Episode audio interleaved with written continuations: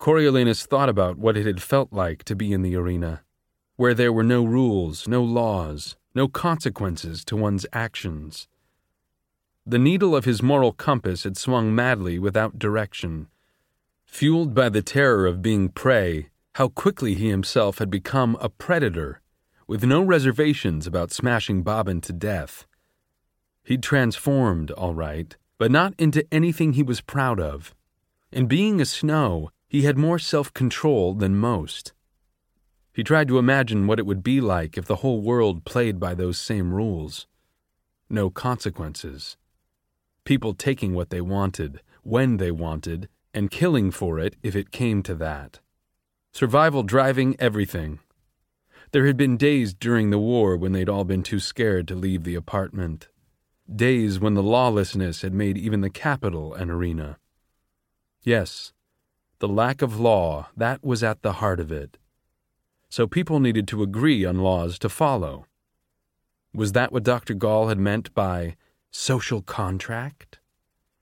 The agreement not to rob, abuse, or kill one another? It had to be. And the law required enforcement, and that was where control came in. Without the control to enforce the contract, chaos reigned. The power that controlled needed to be greater than the people, otherwise, they would challenge it. The only entity capable of this was the Capitol. It took him until about two in the morning to sort that out, and then it barely filled a page. Dr. Gaul would want more, but that was all he could manage tonight. He crawled into bed where he dreamed of Lucy Gray being hunted by the rainbow snakes. He awoke with a start, trembling to the strains of the anthem. You have got to hold yourself together, he told himself. The games can't last much longer. The breakfast delights provided by Mrs. Plinth gave him a boost into day four of the Hunger Games. On the trolley, he gorged himself on a slice of blackberry pie, a sausage roll, and a cheese tart. Between the games and the plinths, his waistband was becoming snug. He would make an effort to walk home. Velvet ropes cordoned off the section of the dais with the eight remaining mentors, and now a sign with the occupant's name hung on the back of each chair. Assigned seating. That was new, but probably an attempt to mitigate some of the snarkiness that had sprung up in the last few days. Coriolanus remained in the back row between Io and Urban. Poor Festus was sandwiched between Vipsania and Clemensia.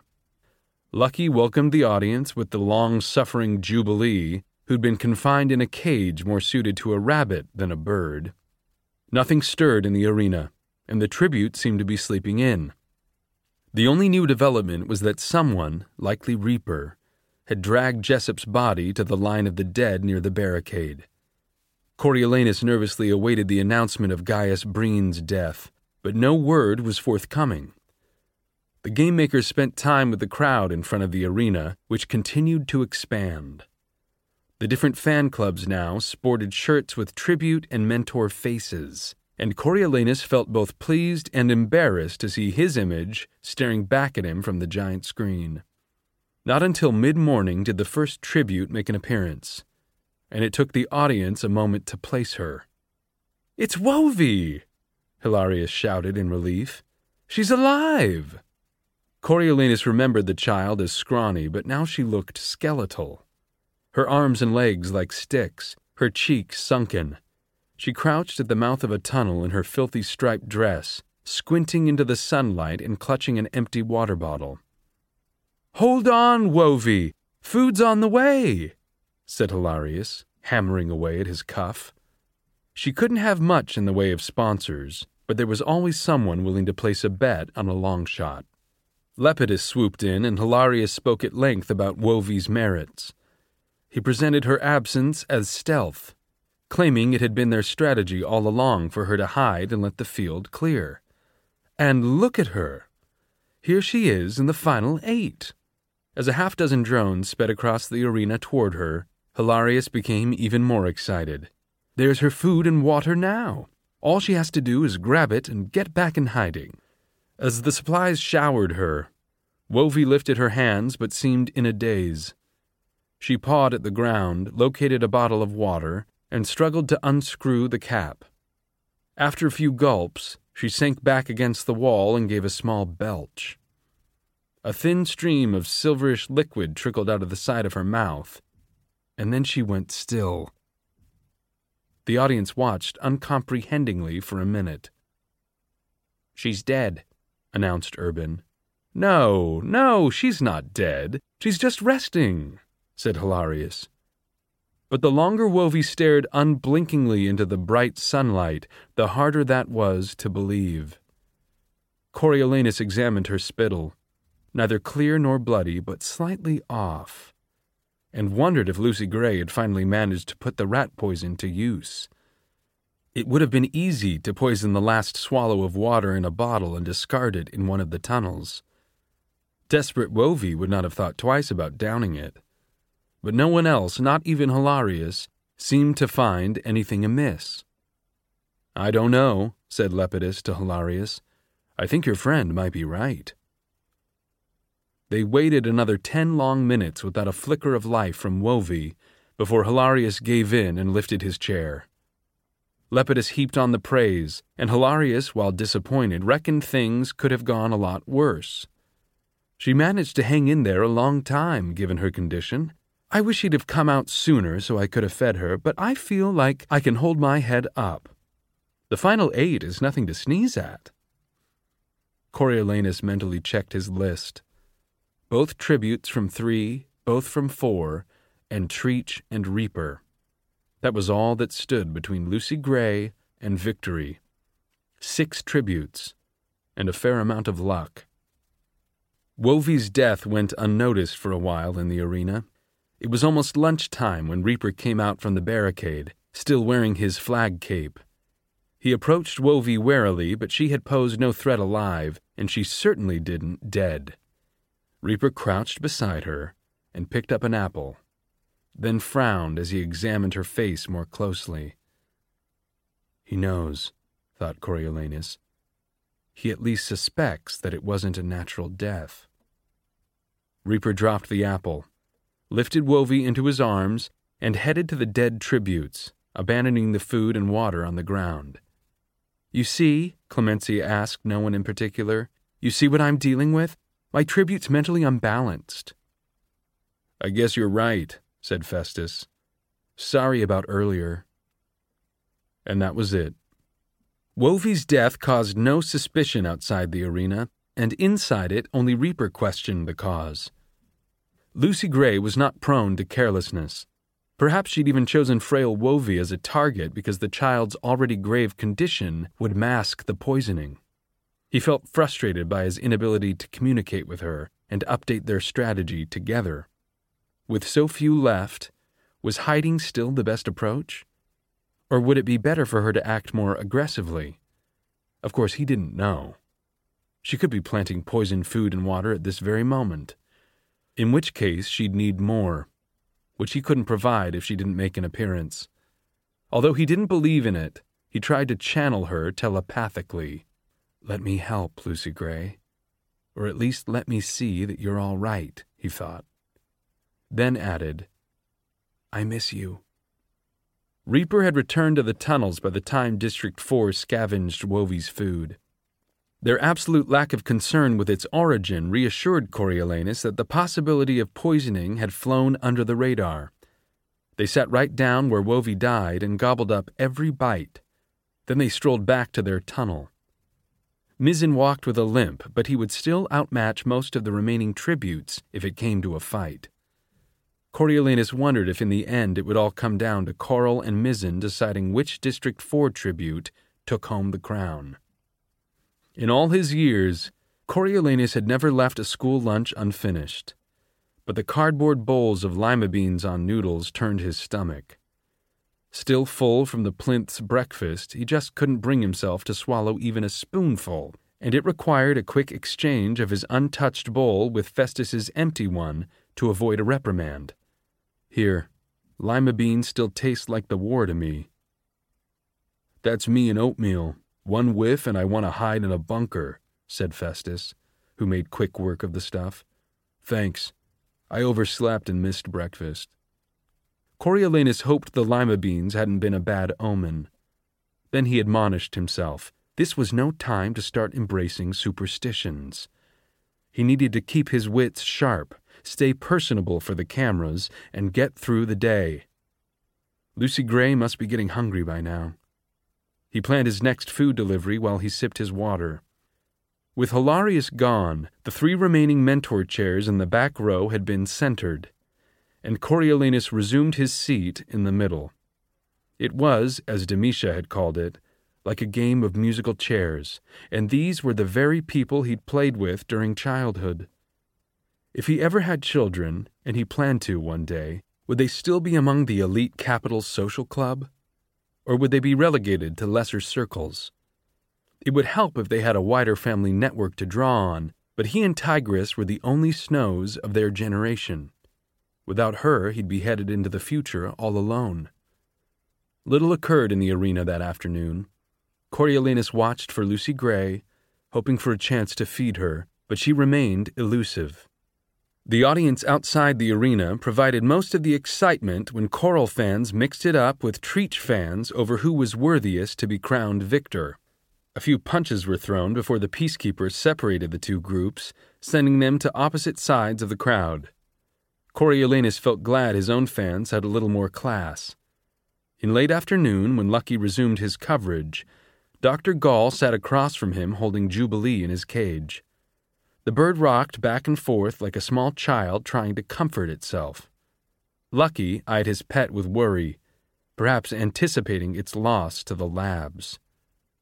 We have a special guest with us today, head game maker Dr. Gaul, who's been making friends with Jubilee.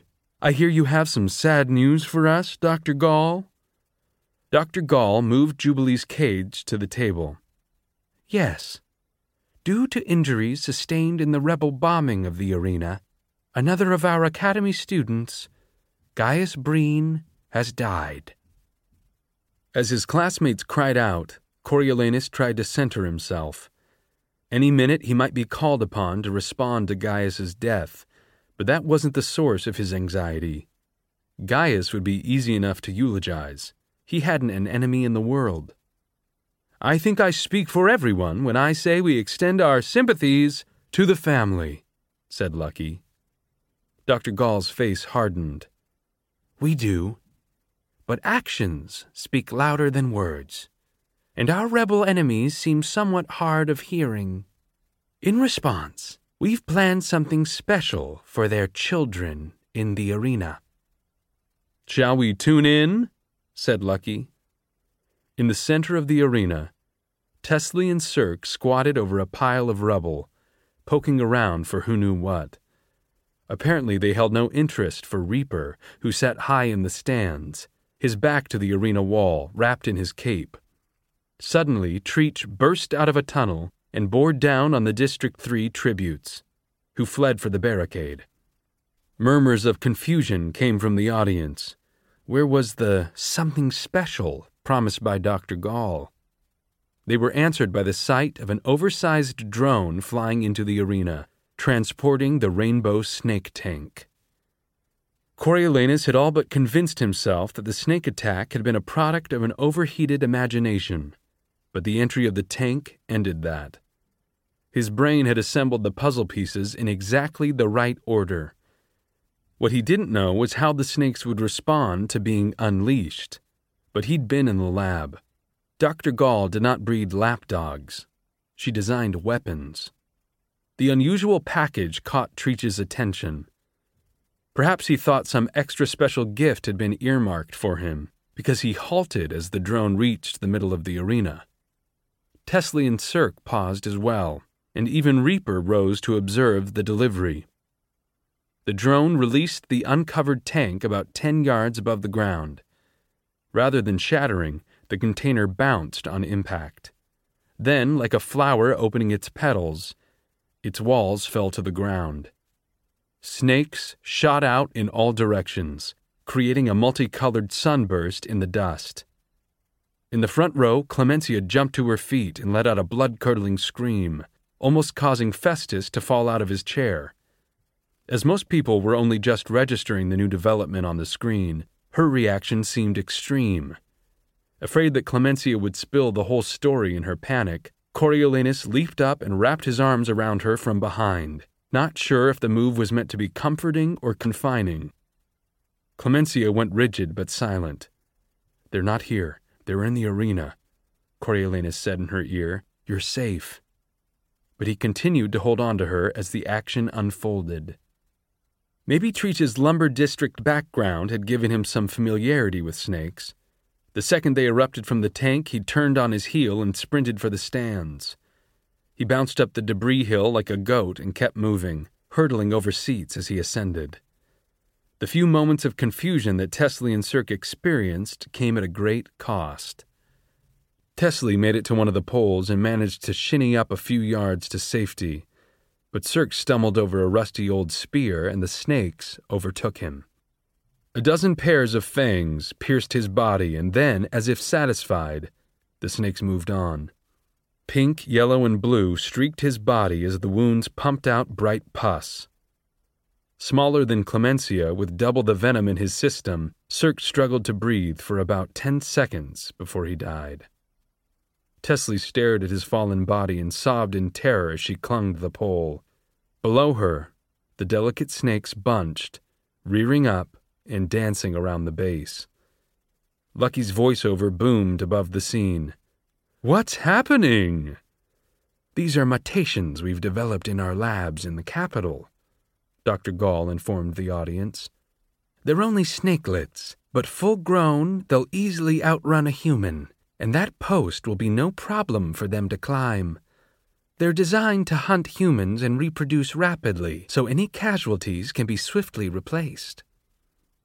By this time, Treech had climbed out onto the narrow shelf over the scoreboard, and Reaper had found refuge on the roof of the press box. The few snakes that had managed to scale the rubble into the stands gathered below them.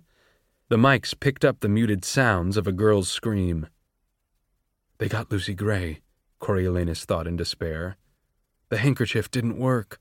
But just then, Mizzen exploded from the tunnel nearest the barricade followed by a shrieking coral. A single snake dangled from her arm. She tore it free, but dozens charged for her the moment it hit the ground, targeting her lower legs. Mizzen flung away his trident and made a flying leap to gain the pole across from Teslee. Despite his bad knee, he halved his previous time climbing to the top. From there, he witnessed Coral's frantic but blissfully short end. With the targets on the ground disposed of, most of the snakes regrouped under Teslee. Her grip on the pole began to fail, and she cried out to Mizzen for help, but he only shook his head, more stunned than malicious. People in the audience began shushing each other then, although Coriolanus did not know why. As the hall quieted, he picked up on what sharper ears had detected. Somewhere, ever so faintly, someone was singing in the arena. His girl. Lucy Gray emerged from her tunnel moving in slow motion and backward. She lifted each foot with care as she stepped behind herself, swaying gently to the rhythm of her music. La la la la. La la la la la la. La la la la la la. That was the extent of the lyrics at the moment, but it was compelling nonetheless. Following her, as if mesmerized by the melody, came half a dozen snakes. Coriolanus released Clemensia, who had calmed down, giving her a gentle push in Festus's direction.